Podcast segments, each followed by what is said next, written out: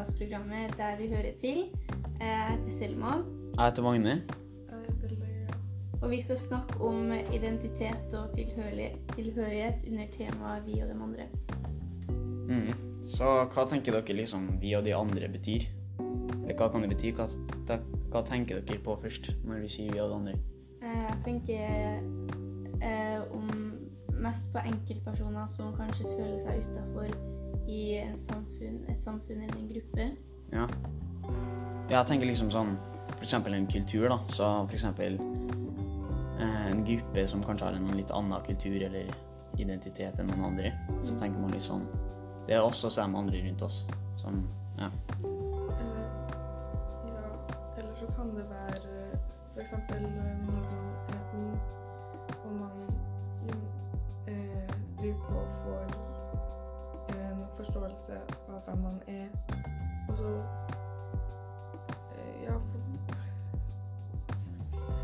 ja, men det er liksom Ja.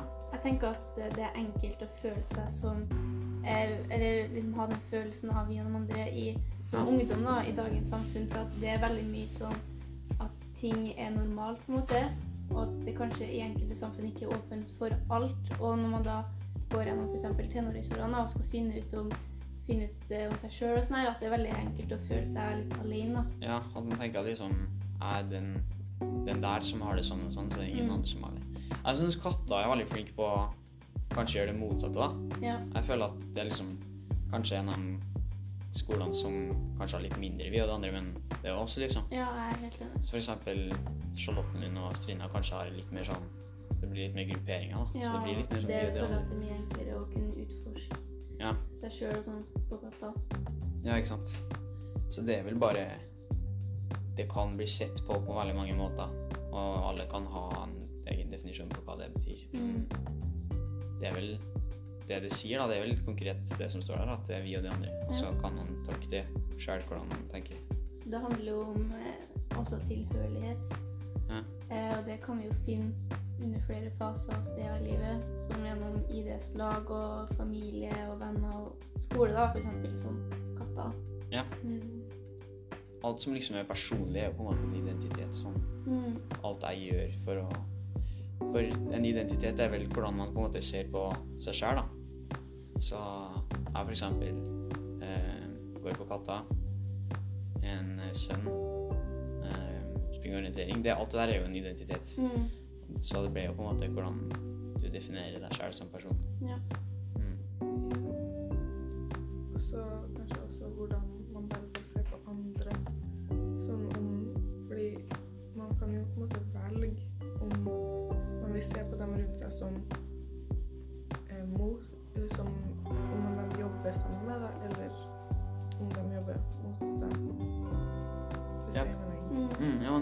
man, trenger, man kan ikke alltid velge det, men noen ganger så kan man velge det. Spesielt sånn som stereotypisk rebelsk ungdom, så mm, er det jo ofte at man med vilje dramatiserer ting og får det til å se mer ut som om alle hater deg, og ja.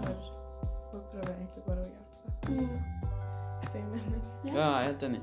Og så er jo liksom i det med identitet det er ofte de som har kanskje lik, lik identitet. Ofte Da kommer vi til mer begrepet tilhørighet, da. Mm. Hvor du tilhører. For eksempel Det er jo ofte med dem som har ganske litt sånn lik identitet som deg, kanskje. Ja, I vennegrupper og sånn. med og sånn. Ja, så det, det er jo på en måte sånn grupper skapes, på en måte, da. At uh, hvis jeg Eller man kan jo fortsatt ha en annen identitet enn den man er med, men ikke for, på en måte. Mm. Hvis man er en vennegruppe, så har jeg jo på en måte personligheten min, identiteten min. Jeg har jo noe jeg er felles med de andre, det er derfor jeg på en måte liker å være med dem. Mm. Men samtidig så kan det jo være andre ting som er annerledes igjen, og det er jo det som er litt sjarmen med vennegruppa. Mm. At det er liksom forskjeller, men samtidig likheter. Ja. Når det kommer til sånn tilhørighet og vi og andre, og sånn her, så tenker jeg at eh, i store samfunn da, Ja. eh, så er det, har fordommer eh, mye å si. For at det er sånn, et sånn stereotypisk samfunn så er det mange som tenker at hvis det er en person som ser litt annerledes ut, så er det på en måte ugreit, på en måte. Og Ja. da føler jeg det er mye vanskeligere å på en måte finne plassen sin, da. Når fordommer, fordommer har så mye å si. Mm. Ja, men det er sant. Det er liksom Ja, I de tekstene som vi har lest, så er det jo også litt snakk om penger og sånn. Hvordan eh, Ja, hvordan man vokser opp, Bestemmer hvordan man eh, forholder seg til forskjellige folk. Ja. Så man kan kanskje ikke spille fotball hvis man ikke har penger. Så da kanskje blir man eh, sjalu Ja. på folk som har penger til å spille fotball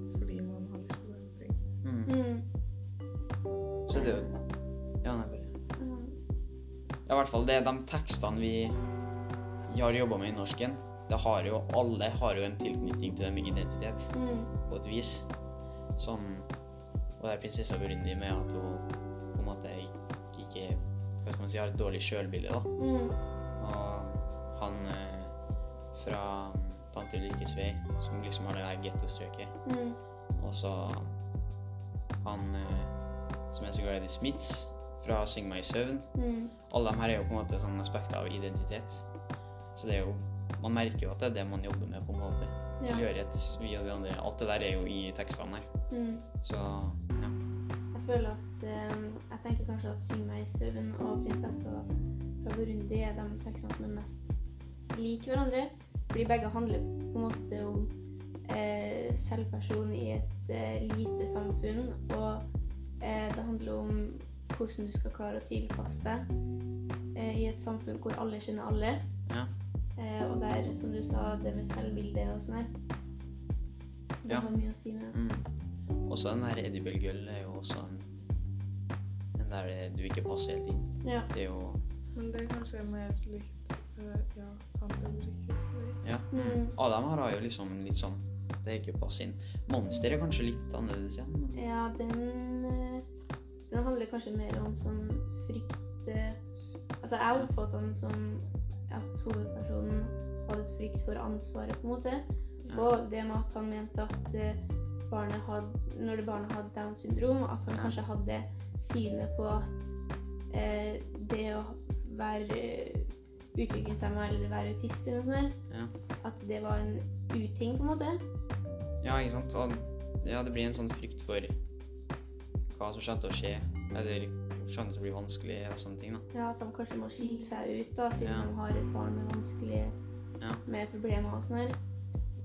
Ja, også, men i den teksten så virka det som om han eh, ikke hadde lyst til å være pappa før han fikk vite at barnet hadde Downs også. Mm. Så jeg vet ikke om det er han som i nåtid tenker tilbake på eh, ja, tida da hun var gravid og så det som negativ pga. at barnet hadde Downs, eller om han eh, bare ikke hadde lyst til å bli far og bruke det at barnet har Downs som en unnskyldning for å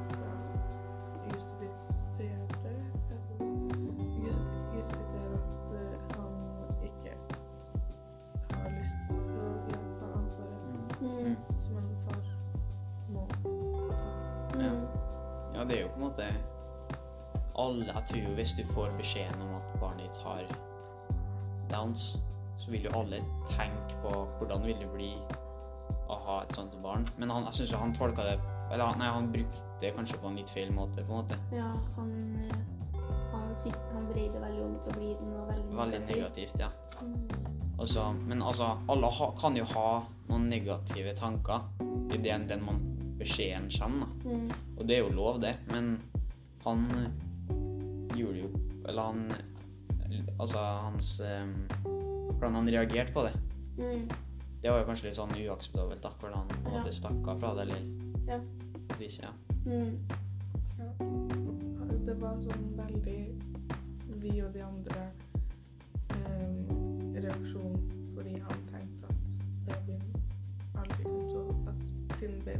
som han, så var han liksom barnet eh, Det var dårlig, det var ikke akseptabelt, det var kom til å bli det, liksom, det var ikke verdt å være en far for barnet fordi det ikke var sånn som han. Ja, Det var ikke som han forventa det. Mm. kanskje. Han blir jo det, det Ja, han tenker sikkert mye på det der at når det først blir den der oppveksten når du skal ha det barn, så blir det litt sånn vi og de andre, for du, du må jo ha mye omsorg over Eller mer omsorg over et barn med noe sånn Ja, noe som Downs, da. Mm. Så det blir Ja, det blir jo annerledes sånn å ha en, en annen en barn uten dans. Mm. Ja, det blir det. Det, det virka litt eh, som han på en måte sliter veldig med å godta det, særlig hvis Ja. han var negativ før han fikk den beskjeden. Så virker det som Eller de beskrev det eh, veldig godt, da, at han syntes det var veldig vanskelig å skulle godta hele den papparollen med eh, barnet med autisme og sånn. Ja. Mm. Men hvor Ja, for eh, hvis vi skal oppsummere det litt, da, hvordan vi liksom knytter vi og de andre til det monster Det var vel det at At han frykten for å være utafor, på en måte? Ja. Eller? Eh, det kan hende at han har vokst opp i et samfunn hvor det å være fysisk utviklingshemma er en ting som er negativt. Ja, det Og det at han eh, Og det at de kanskje ikke har så veldig mye respekt for det, da. Og når han fikk den, fikk den beskjeden, så tenkte han kanskje ok, nå kommer det til å Nå kommer jeg kanskje til å bli utstøtt, eller Ja. barnet mitt. Ja, ikke sant. Ja, det blir Ja, det blir jo en frykt, da, Mm. for hva som vil skje. For det er jo Det er jo en litt annerledes. Mm. Ja, Mm. kanskje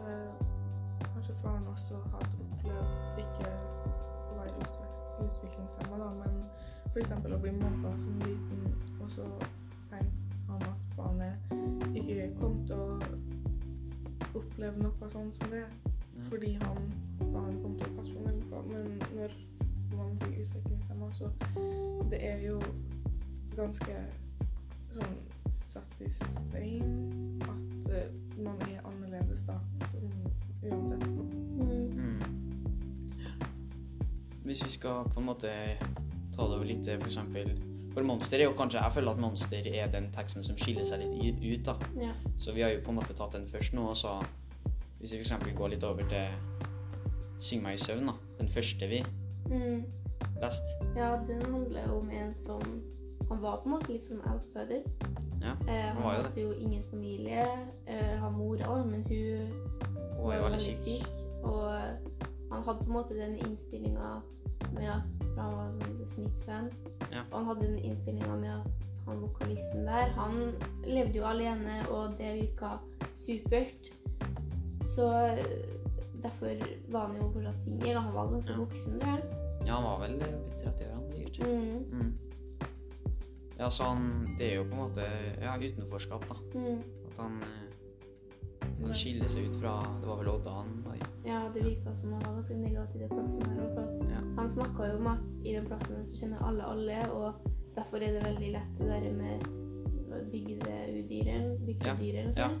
eh, At eh, folk eh, At det går mye rykter, og Ja. folk snakker mye om andre og sånn her. Og da tenker jeg at hvis du ikke føler deg helt trygg på deg sjøl, så er det veldig vanskelig å leve i et sånt samfunn hvor du vet at eh, folk snakker om deg, Ja. og Mm. ryktene går. Du blir liksom den eh, Ja, du blir skilt ut da, av Mm. den samfunnet. Ja. Ja, Det tror jeg er ganske tøft å å bare kjenne på den følelsen hver dag. Mm. Folk merker liksom at du er der. Mm. Mm. Ja. eh, ja, det Når man allerede har blitt satt ut som annerledes, så er det kanskje enklere å bare fortsette å eh, gjøre seg mer og mer annerledes og mer og mer mot de andre da, som sier at du er annerledes, enn å prøve å passe inn med dem. Mm. Mm. ja. Så det virka liksom det var det han gjorde med vilje, å Ja. skille seg ut. Mm. Ja, tror du på en måte Han var jo veldig glad i The Smiths, det her eh, bandet. Mm. Tror du det Det var at han var glad i de Smiths at han ble sånn, eller tror du han var sånn, og så følte han på en måte en At kanskje noen av de Smiths var litt like han, på en måte, og derfor ble det sånn? Um, jeg tenker kanskje at hvis han har vokst opp i Odda, så er det veldig Det kan kanskje føles veldig lite, for det er et lite sted.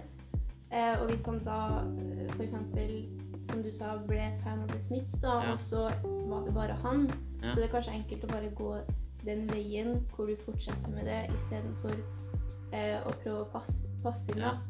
Siden du har vokst opp og du kanskje føler at eh, du, trenger, du trenger mer plass enn det du får. Ja. Og da er det kanskje enklere å gjøre seg litt mer usynlig og litt mer annerledes. På en måte for å For at hvis det ikke er så veldig mange annerledes folk i et lite samfunn, så føler du kanskje at da blir det bedre plass hvis du er annerledes, enn å prøve å passe inn i liksom, det stereotypiske samfunnet. da. Ja. Det, er vel en, det blir vel en slags sånn hjelper det smitts. Å Mm. på en måte hjelpe seg gjennom på en måte. Det er jo en slags flukt for å kanskje bruke noe annet som som Ikke en unnskyldning, men mer en sånn Ikke en unnskyldning, det blir feil ord, men du får på en måte føle en tilknytning til det bandet. Og så føler, føler du likhet. Da vil du ofte liksom gjøre det enda mer sterkt. For han har jo Han snakker jo veldig mye om det Smiths i boka. Ja. Bruker jo veldig mye det som Som at de gjør det, og derfor burde jeg gjøre det. ja, det er Altså- veldig mye sånn at han tar eksempler av Ja, mm. Så Så, følger han den veien selv. mm. ja, det blir veldig sånn, ja. Mm. Og så var det vel Han jobba vel som postmann. Og så ville han ikke ha på den uniformen. Mm. Og det tolker jeg kanskje som en slags sånn eh, Hva skal man kalle det? Rebelsk, på en måte. Som The Smiths gjorde, at de var ikke som de andre. Ja, jeg føler kanskje at eh, den der med uniformen, at han følte at han kanskje ble litt satt på plass. Ja, ikke sant? Eh, og Mm. at han ikke da fikk lov til å eh, være For han sa, jo- sa han ikke at han heller vil gå med det Smiths-skjorta og sånn. Ja. Og da kanskje føler at jeg vil ikke være noe som du bare kan putte inn i en boks og bestemme hva du skal gjøre og hvordan du skal se ut til den og den tida, men at han følte at han heller ville ha den trangen da, til å kunne være seg selv og ja, Ja. gå med det Smith-skjorta. da. Ja, for han har vel kanskje funnet ut i ettertid at at kanskje det var bedre å bare være sånn er. Mm. Og så han har jo på en måte Han liker kanskje ikke å være innafor rammene, som du sa. Han liker ikke å bli satt på plass Mm. og gjøre det og det. Det er på en måte ja, kanskje et eksempel på det, da, at han vil ikke bli satt i den uniformen, som du sa. Mm. Han vil heller eh, gjøre sin egen ting. Ja. Mm. Han virker som en veldig negativ person også. Da. Han snakker ganske dårlig om eh, ja, nærmiljøet sitt folk. Han i hans Han eh, har liksom veldig lyst å eh, være klar på at de her folkene er dårlige, og de er ikke sånn som meg, og jeg er bedre fordi jeg har eh, en spesiell stil. Jeg er så mye bedre moralsk enn deg fordi jeg, eh, bes- jeg, er ikke, jeg har ikke lyst til å sette meg inn i ja, den boksen. Mm. Ja. Mm. Det virker på en måte Hvis vi skal trekke inn vi og de andre, så virker det på en måte som han følte at at han på en måte var vi, da, men at resten av samfunnet, det var de andre. Ja. At han på en måte hadde sin plass Ja. i samfunnet. At, Han hadde smitts, nesten. ja, at, ja, at han hadde smitt, så ikke at han følte at han eide, men kanskje og til føle at det er jeg som er plassen her. Ja. Eh, fordi, kanskje fordi jeg tør å være meg sjøl og sånn. Mm. Og så de andre, det er de som snakker om andre og dømmer og sånn her. Ja, kanskje liksom bygdadyret var litt sånn Det var på en måte det som definerte bygda, på en måte. Ja. I hans øyne. Mm. Og så Ja, de andre er mer sånn ordinære folkene. Ja. Mm, så det blir litt sånn. Men eh, ja. Vi kan jo ta en pause nå, og så snakker vi mer om Eddie Wølgel og um, prinsesse Burundi og sånne tekster etterpå. Mm. Mm. Eh, hei og velkommen tilbake til del to av podkasten Der du hører til. Ja, eh, nå har vi jo gått gjennom eh, Syng meg i søvn. Litt sånn kjapt Syng meg i søvn og Monster, da. Så da kan vi liksom gå gjennom prinsesse Bruni nå, og så går vi til refleksjonstekstene våre etterpå. Og jeg hadde jo en eh, refleksjonstekst om eh, Eddie Wølgel. Mm. Og så hadde hva dere hadde. Eh, jeg skrev om eh, tante Ulrikke Svir. Ja, jeg skrev også Ja, så dem snakker vi da etterpå om. Litt, dyp, litt dypere inni, og så snakker vi om prinsesse Brynje nå. Mm. Så prinsesse Brynje, det handler jo om en eh, jeg ville ha sagt en dame som har litt sånn dårlig sjølbilde. Mm. Dårlig selvtillit mer. Ja. Det virka på en måte som om hun hadde klart å godta seg sjøl. Ja. Fordi hun virka på en måte litt selvsikker, men Ja, ja. jeg tror hun følte seg usikker på samfunnet rundt. Mm. Eh, fordi vi hørte jo eh, masse kommentarer fra folk som Eller det ble sagt kommentarer som folk hadde sagt om hun da, på en negativ måte. Ja. Mm. Og liksom godtatt det litt, ja, som du sa. Mm. At hun har Hun, eh, hun, hun sa jo i teksten at 'nei, jeg er stygg, jeg er stygg', Mm. for det var liksom hennes natur at, hun, at folk ikke likte henne. Ja. Så jeg hun godtok på en måte ikke at noen sa noe annerledes om da, for det var vokst opp sånn, og sånn er det liksom at hun er Eller i hennes hode, Mm. at hun er stygg og For hun er- hun jo overvektig, Ja. som jeg i hvert fall beskrevet i boka. Mm. Og hun, ja, vant, jeg er overvektig, jeg er stygg, jeg er sånn og sånn. Ja. Samfunnet syns jeg er sånn og sånn. Så når noen andre sier noe annet, så blir det veldig sånn Ja, Nei, det kan ikke være sant, jeg må lyve. Det kan ikke Hun klarte eh, nesten ikke å godta Ja. komplimentene hun fikk fra han. Hun ble jo nesten sint, liksom. Ja. For hun var så sikker på at han løy, eller ja. av han eh, Ja. ja. Eh, men eh, det er jo veldig dumt at hun i det hele tatt trenger å måtte godta at det er sånn hun blir eh, snakka om i samfunnet. Ja. Det skal jo ikke være sånn at til slutt at du skal godta måten folk kan snakke negativt om det. Nei, ja, det er sant. Så det er jo Ja, hun, igjen, da. Hun er jo litt sånn bygdedyrig, hvis jeg skulle sagt det med den. Eh, Ja. måten. At samme som han i Syng meg i søvn. Mm. At hun Kanskje ikke på helt samme måte, det er mer noe hun ikke kan endre på, da. Mm. Hun er jo bare sånn. Eller hun kan jo endre på det, men Så ja. Hun Ja. var jo Hun spiste jo veldig mye, da. Hun jobba vel på sånn burger... Eh, burgersjappe. Ja. Jeg føler vi kan eh, trekke sammen 'Syng meg i søvn og Prinsessa på Brunder'. Ja.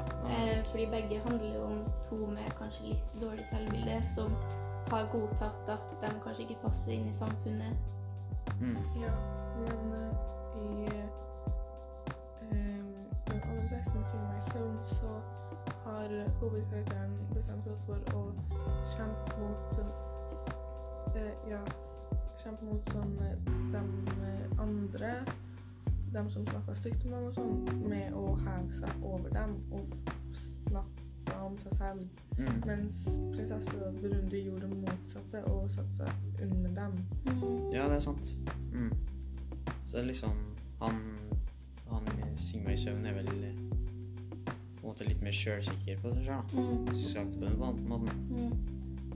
Mm. Hun eh, i Prinsesse Burundi, hun er vel Ja, ja hun jobber på burgersjappa, Mm. og hun spiser veldig mye, og det er vel kanskje Hvorfor tror dere at hun spiser så mye? Er det bare Eller hvis jeg skulle sagt det på Hvis den måten kan jeg kan si det, På en måte kunne det virke som om hun på en måte demonstrerte eh, ved å spise for å vise liksom, ok, det her er sånn jeg på en måte At hun vil slå tilbake da, på det bygdedyret. Så derfor Ja. Kanskje er sånn flukt, på en måte. Eller? Ja, altså, det virka ikke som om hun var så veldig hyggelig på en måte mot folk rundt seg. Nei? Eh, og det kan jo være fordi hun tenker at um, Ikke at hun skal prøve å passe inn nødvendigvis, men at hun skal prøve å slå tilbake på dem. Ja, ja det er på en måte sånn, ja. Mm. Og så var det jo han eh, Han eh, Han eh, kjæresten kjæresten, ja. Ja. Som, eh, som skulle på en måte bevise da, at han elska henne. Mm. Og så spiste han jo med kjempemye, bare for å på en måte Bare på en måte eh, Bare sette punktet på en måte at han Han eh, Han brydde seg ikke om du er feit. Han bryr seg ikke om at du Jeg bryr meg ikke liksom om du er overvektig. Mm. Bare, ja, bare for å si det, da. Eller Ja, vise at han var villig til å Ja. eh, gå så langt. For at hun på en måte skulle klare å godta han, da. Ja. ja. Og så ble jo hun pga. kjærlighetssorg etter at de Hva skal man si slo meg Hadde en pause, slo Ja, Ja. tok en pause slo. Så liksom Ja, det ble jo det de sa, at hun ble avhengig. Eller hun ble ikke avhengig, men det ble på en måte noe annet som metta, og det var liksom kjærlighetssorg. da. mm. Så hun stoppa jo å spise, og ble jo på en måte tynn igjen. Mm. Eller igjen. Hun ble tynn i hvert fall. Ja. Og så ble han stor. ja.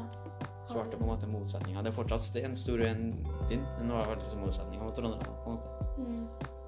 Jeg tror kanskje han eh, spist så mye for å demonstrere til prinsessa av Burundi at det finnes ikke noe av de og de andre. Det er bare vi. Ja. Som uansett, det spiller ikke noen rolle. Fordi ja, hun var ganske overbevist om at hun var annerledes, og at hun var ja, stygg og mindre verdt og sånn. Så han prøvde kanskje å vise at eh, hun var like mye verdt ved at han også liksom Mm, mm. kunne bli stor, og at det ikke Det var ikke noe som, som gjorde han mindre verdt. Ja, ja, jeg er enig. Veldig enig. Mm. Men hvis vi skal gå litt over til de refleksjonstekstene, da. Mm. For nå har vi snakka litt om prinsesse Burundi. Og så, så kan ikke du starte, Selma, med å liksom beskrive litt hva din refleksjonstekst går ut på. Ja, eh, jeg skriver jo om tante Ulrikke Svi. Eh, og det er en roman som er skrevet av Seshan Shakar. Eh, og Seshan Shakar er født og oppvokst i Norge eh, i tante Ulrikke Svi. Men han har en norsk mor og en pakistansk far. Eh, og boka ble utgitt høsten 2017, og den tar opp temaet som kulturmøter og hører til, eh, kulturkrasj og livet på østkanten av Oslo. Mm. Ja. Hva er det liksom boka går ut på? Eller Eh, novellen? den handler om eh, to gutter som vokste opp på Stovner på 1990, nei, starten av 2000-tallet. Eh, og han jeg har eh, skrevet mest om, er Jamal. Eh, og han Det utgangspunktet med boka er at Jamal skal fortelle om livet sitt som en del av et forskningsprosjekt om ungdom med minoritetsbakgrunn i Groruddalen i Oslo. Så han forteller da om hvordan det er å vokse opp i et flerkulturelt samfunn på østkanten, eh, og hvordan det påvirker hverdagen hans og livet hans. Mm. Ja. Yes, men eh, ok, så hvordan skal vi liksom koble dette vi og de andre, for det er jo det på en måte som er temaet i denne podcasten her. Ja, eh, han vokste jo opp med minoritetsbakgrunn i, eh, på et område hvor det er folk fra veldig forskjellige kulturer. Veldig Mm. mange forskjellige kulturer. Og han eh, snakker mye om at det er vanskelig å være eh, utlending da, på en måte, eh, i Oslo, fordi at det er veldig vanskelig å bli godtatt. Og han får det veldig godt fram at han føler at vi, det, det er vi som vokser opp i det området her, og etniske norske da, i Oslos samfunn er de andre, på en måte. Ja. Mm. Ehm, ja. ja. Det blir jo Ja. Så teksten skildrer jo rollekonflikten da, med, mellom hvordan det er å være en norsk statsborger og det å være muslim eh, i et utenlandsk ungdomsmiljø i Norge. Og kul- kulturkrasjen da, mellom det å være han sier svart på hvit jord og det å være muslim i en minoritetsgruppe i Groruddalen. Ja, det, det, er vel, det er jo vanskelig på en måte å være den som skiller seg ut. Det har vi jo lest om Mm. i de andre tekstene. Mm. Så det å være ja, utlending i Norge, det blir Det blir Ja, altså de som bor i Norge, i hvert fall de eldste, de er jo ikke vant til å se folk som er ikke fra Norge, da, spesielt den måten. Altså, ja. Så det er veldig lett å på en måte Og så er det jo ofte at eh, våre besteforeldre da har ikke lært, men våre eh, foreldre har jo, lærer jo ofte fra våre besteforeldre. Mm. Og da blir det på en måte kanskje Jeg vet ikke. De føler at de blir sett litt ned på, kanskje. Ja, når besteforeldrene våre vokste opp, så Ja. hadde de jo, som du sier, nesten aldri verken hørt om eller sett en mørkhuda person. da. Ja. Mm. Eh, og det tror jeg eh, Jamal i teksten her føler at det er veldig vanskelig å skal være eh, mørkhuda på et land som opprinnelig er hvitt, på en måte. ja. Og da Mm. føler han på en måte at dem som han da, og dem resten av gruppa på en måte, Ja. som er det, dem er, står på sida av samfunnet. Ja. Mens dem som er opprinnelig hvit og opprinnelig etnisk norsk, Ja. dem på en måte er de andre da, som eh, Nei, dem er vi som Ja. Mm. styrer på en måte samfunnet, og dem er de andre, og derfor tror jeg han sliter veldig med å passe inn. Ja, det er enig. Jeg skal det kan du. Um, jeg skrev om Jeg skrev refleksjonstekst om boka 'Farvel til Edible Girl'.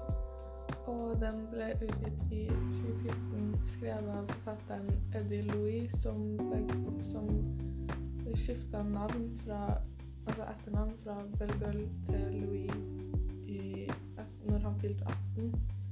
Fordi han ville legge livet som Belgøl bak seg.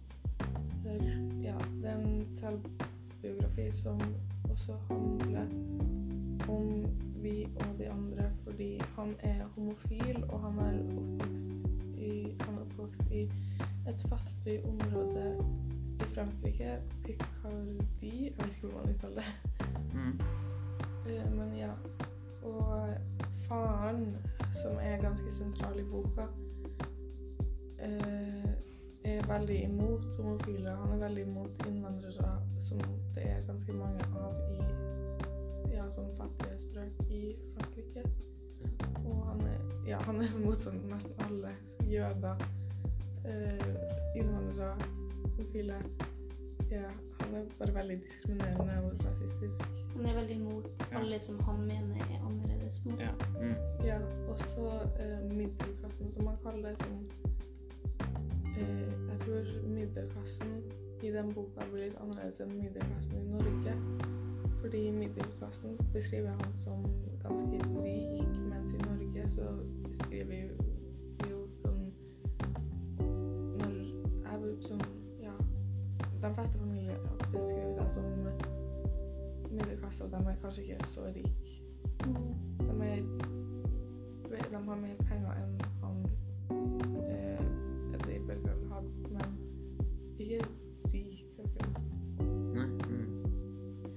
Ja, han, han beskriver jo det som en Eller det er kanskje mer For du sa jo det var en sånn selvbiografi, men det er jo, det er jo en Han ville jo presisere at det var på en måte skjønnlitterært, eller det er en roman, da. Fordi at det er jo Det han sier, er jo fakta, men han vil på en måte åpne opp for at det er jo det hans perspektiv på ting. Ja. Og det vil liksom For skjønnlitterære bøker kan være litt mer Ja, kan være en enkel måte å formulere noe, da, enn at det skal være liksom rett fakta. Så han presiserte det, da, og spesielt på det intervjuet, vet du. Vi så. Mm. Uh, ja, i refleksjonsteksten Jeg skrev ganske mye om um, hvordan han Eddie Bolliger kanskje opplevde uh, at han måtte jobbe veldig mye mer enn andre for som barn. Og hvordan opplevelser som han opplevde, kanskje blir satt i ja, forstørrelsesglass når um, han er fordi han var liten når han opplevde det, og det forma identiteten hans. Når han f.eks. måtte passe på at uh, han ikke at, han, at ikke det at han ble mobba, ble avslørt, fordi da ble han sett på som svak. Mm. Ja, jeg tenker kanskje at um, i det samfunnet hvor det ikke var lov da, til å skille seg ut, det hvor han vokste opp, så tenker jeg at hvis han oppførte seg litt mer feminin, kanskje, Ja. i et samfunn hvor gutta skulle være veldig maskuline, så Ja. var det veldig lett å, satt, ble det veldig lett å bli satt i en sånn bås Mm. På at ok, du er annerledes. Og da tenker jeg at i et såpass lite samfunn så er det kanskje ikke veldig vanskelig å komme seg ut av den båsen. Ja.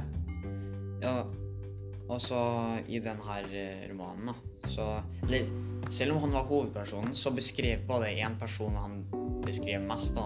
Og liksom var, hadde mest inntrykk av, føler jeg. Og det var jo han faren. Han har jo på en måte beskrevet han Ja, det er vel den, han, den personen han beskriver, beskriver mest. Og han faren er jo Ja, han på en måte håner alt som er liksom ukjent, da. Ja. Sånn homofile, arabere, jøder og sånne andre folkegrupper enn han, det han er vant til. ja. Og spesielt i sånne strøk som han lever i, så det, er det jo ganske De er kanskje ikke like opplyst. ja. Det er jo en mindre utdanning. Det virker kanskje litt som om faren At eh, Eddie Belgull da ikke var hovedpersonen i sitt eget liv. Men at han på en måte var en biperson og faren var på en måte hovedpersonen. For at det er jo han som eh, Han beskriver mest i teksten. Og det virker som om teksten på en måte skal handle om faren i sitt eget liv. Ja. At han bare blir stående på sida. Ja, det, var- det syns jeg var veldig bra sagt. At, det var liksom, ja, at han blir litt sånn på sida av livet sitt. At faren skal bestemme mye av hvordan hans liv skal være. da. Mm. Ja, det er helt klart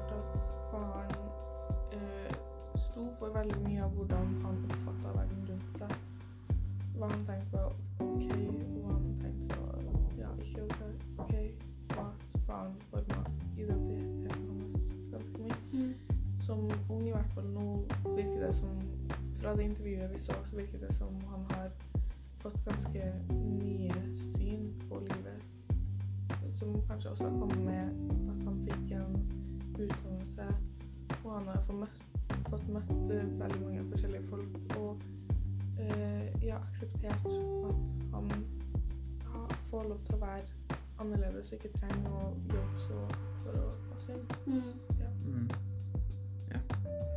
Og så merka jeg jo da i teksten at det er ingen minner For han, han har, husker jo det som skjedde ganske godt. Han er jo, husker det så godt han klarer å sitere faren på ting han har sagt. Og sånne ting. Mm.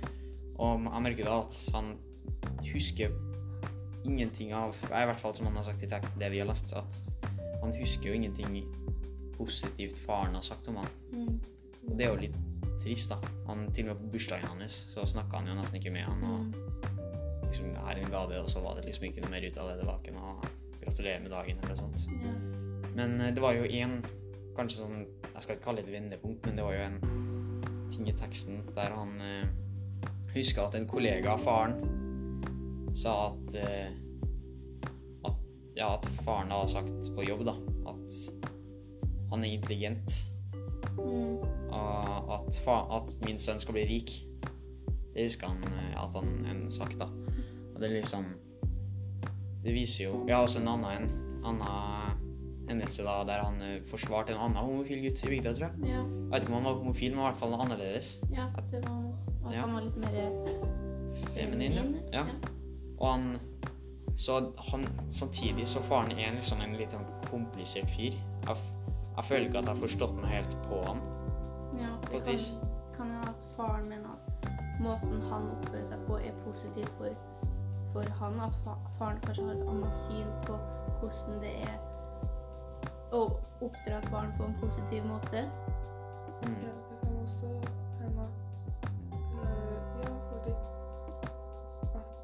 at faren øh, opp,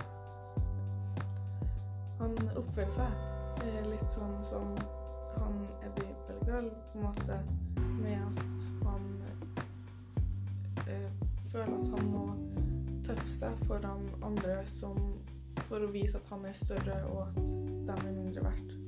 Han tøffer seg foran mora og foran barna sine, når han egentlig kanskje ikke er sånn på ekte, men har opplevd ting i barndommen f.eks. som gjør at han kanskje ikke føler seg komfortabel med å vise følelser sånn som man tenker at en eh, far bør gjøre for barnet sitt. Mm.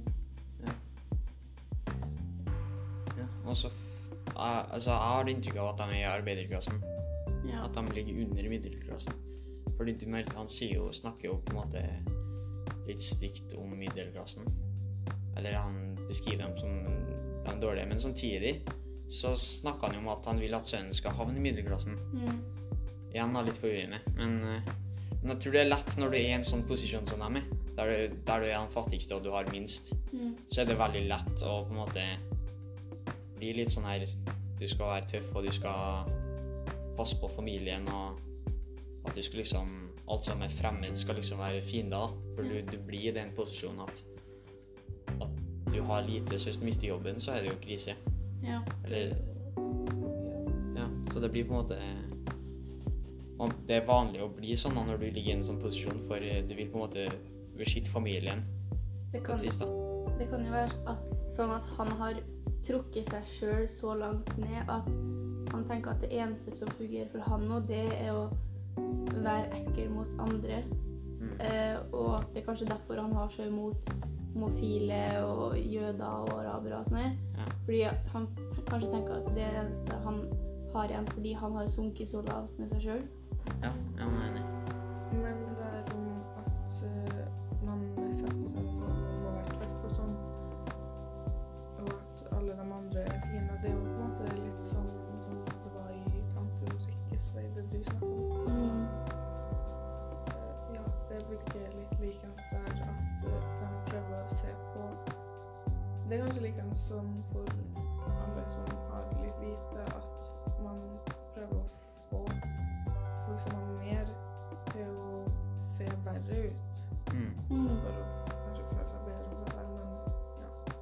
Jeg tror Eller jeg tenker at begge tekstene handler om det å skal klare å godta seg sjøl i et samfunn hvor du kanskje føler at det egentlig ikke er plass for deg. Ja. Mm. ja. Enig. Eh, fordi i Edibel Gull så kunne hun ikke komme ut som homofil, på en måte. Mm. Eh, og i Tante Ulrikkes vei så syntes hun det var veldig vanskelig å godta at han var mørkhuda i et samfunn hvor det var mer vekt på å vite. Mm. Jeg er enig. Eh, Magne, har du noe fra din refleksjonstekst du vil snakke om? Eh, jeg har på en måte tatt ut litt ting jeg har sagt i teksten nå mens vi har snakka, men, eh, men det er vel litt det der at eh, Han presiserte det når vi snakka i intervjuet, at at det var ikke han som hadde lyst til å flykte. Det var på en måte Han ble utstøtt av familien. Mm. Så han, han holdt jo på mange år. Han hadde lyst til å passe inn, han hadde lyst til å være en del av det. Mm. Men det bare funka ikke. Og til slutt følte han ikke at han flykta, men han ble utstøtt fra samfunnet han levde i. Mm. Og da bare Ja, da dro han av, på en måte. Og så Ja. Ja, og så Og så vil jeg bare si en ting da, som er litt morsom igjen. da At uh, faren sier jo det der at sønnen min kommer til å bli rik. Altså, han blir jo på et vis det av å selge alle de her bøkene og den her historien. Så det er litt sånn ironisk sånn sett at han, at han blir rik av og ja, av på en måte det dårlige på et vis. Ja, det er sant. det. Så Ehm, og det som er litt likt mellom de to historiene her, er at forfatterne har jo basert karakterene i, boka, i bøkene sine på livet sitt, på en måte. mm, fordi både Edvard og Louise har jo skrevet om hvordan det var å være Eddie Gull når han var liten, og i Tante Ulrikkes vei så har jo eh, Seshan Shakar skrevet ikke direkte om at han er personen i boka, men at det er veldig likt da mellom måten han skriver på og hvordan oppveksten hennes var. eh, med, med karakterene i boka. ja, ikke sant. Så de skriver på en måte litt ut fra seg sjøl og sine egne erfaringer og historier og opplevelser. Begge har jo på en måte kommet seg ut av sånne eh, litt ja, arbeider, arbeid, arbeiderklassemiljø Mm. som litt fattige. Og blitt fått sånn veldig god utdanning, skrevet veldig bra bøker og fått penger. Ja, begge bruker eh, barndommen sin og oppveksten sin på ja, å selge det, da, og få fram hvordan det er å vokse opp i minoritetsmiljø og sånn. Mm. Enig.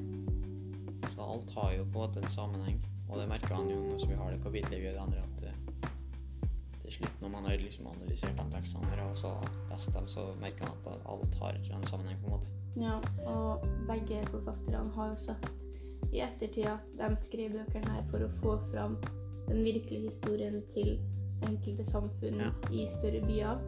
Eh, begge har jo skrevet om eh, eh, deler av en by eller en liten landsby. Eh, og begge har sagt at det var viktig for dem å få fram hvordan realiteten er. Mm. Ja. Ja. Skal vi? Ja, det var, jeg syns vi har gjort det bra. Ja, takk Og Tusen ja, takk for oss.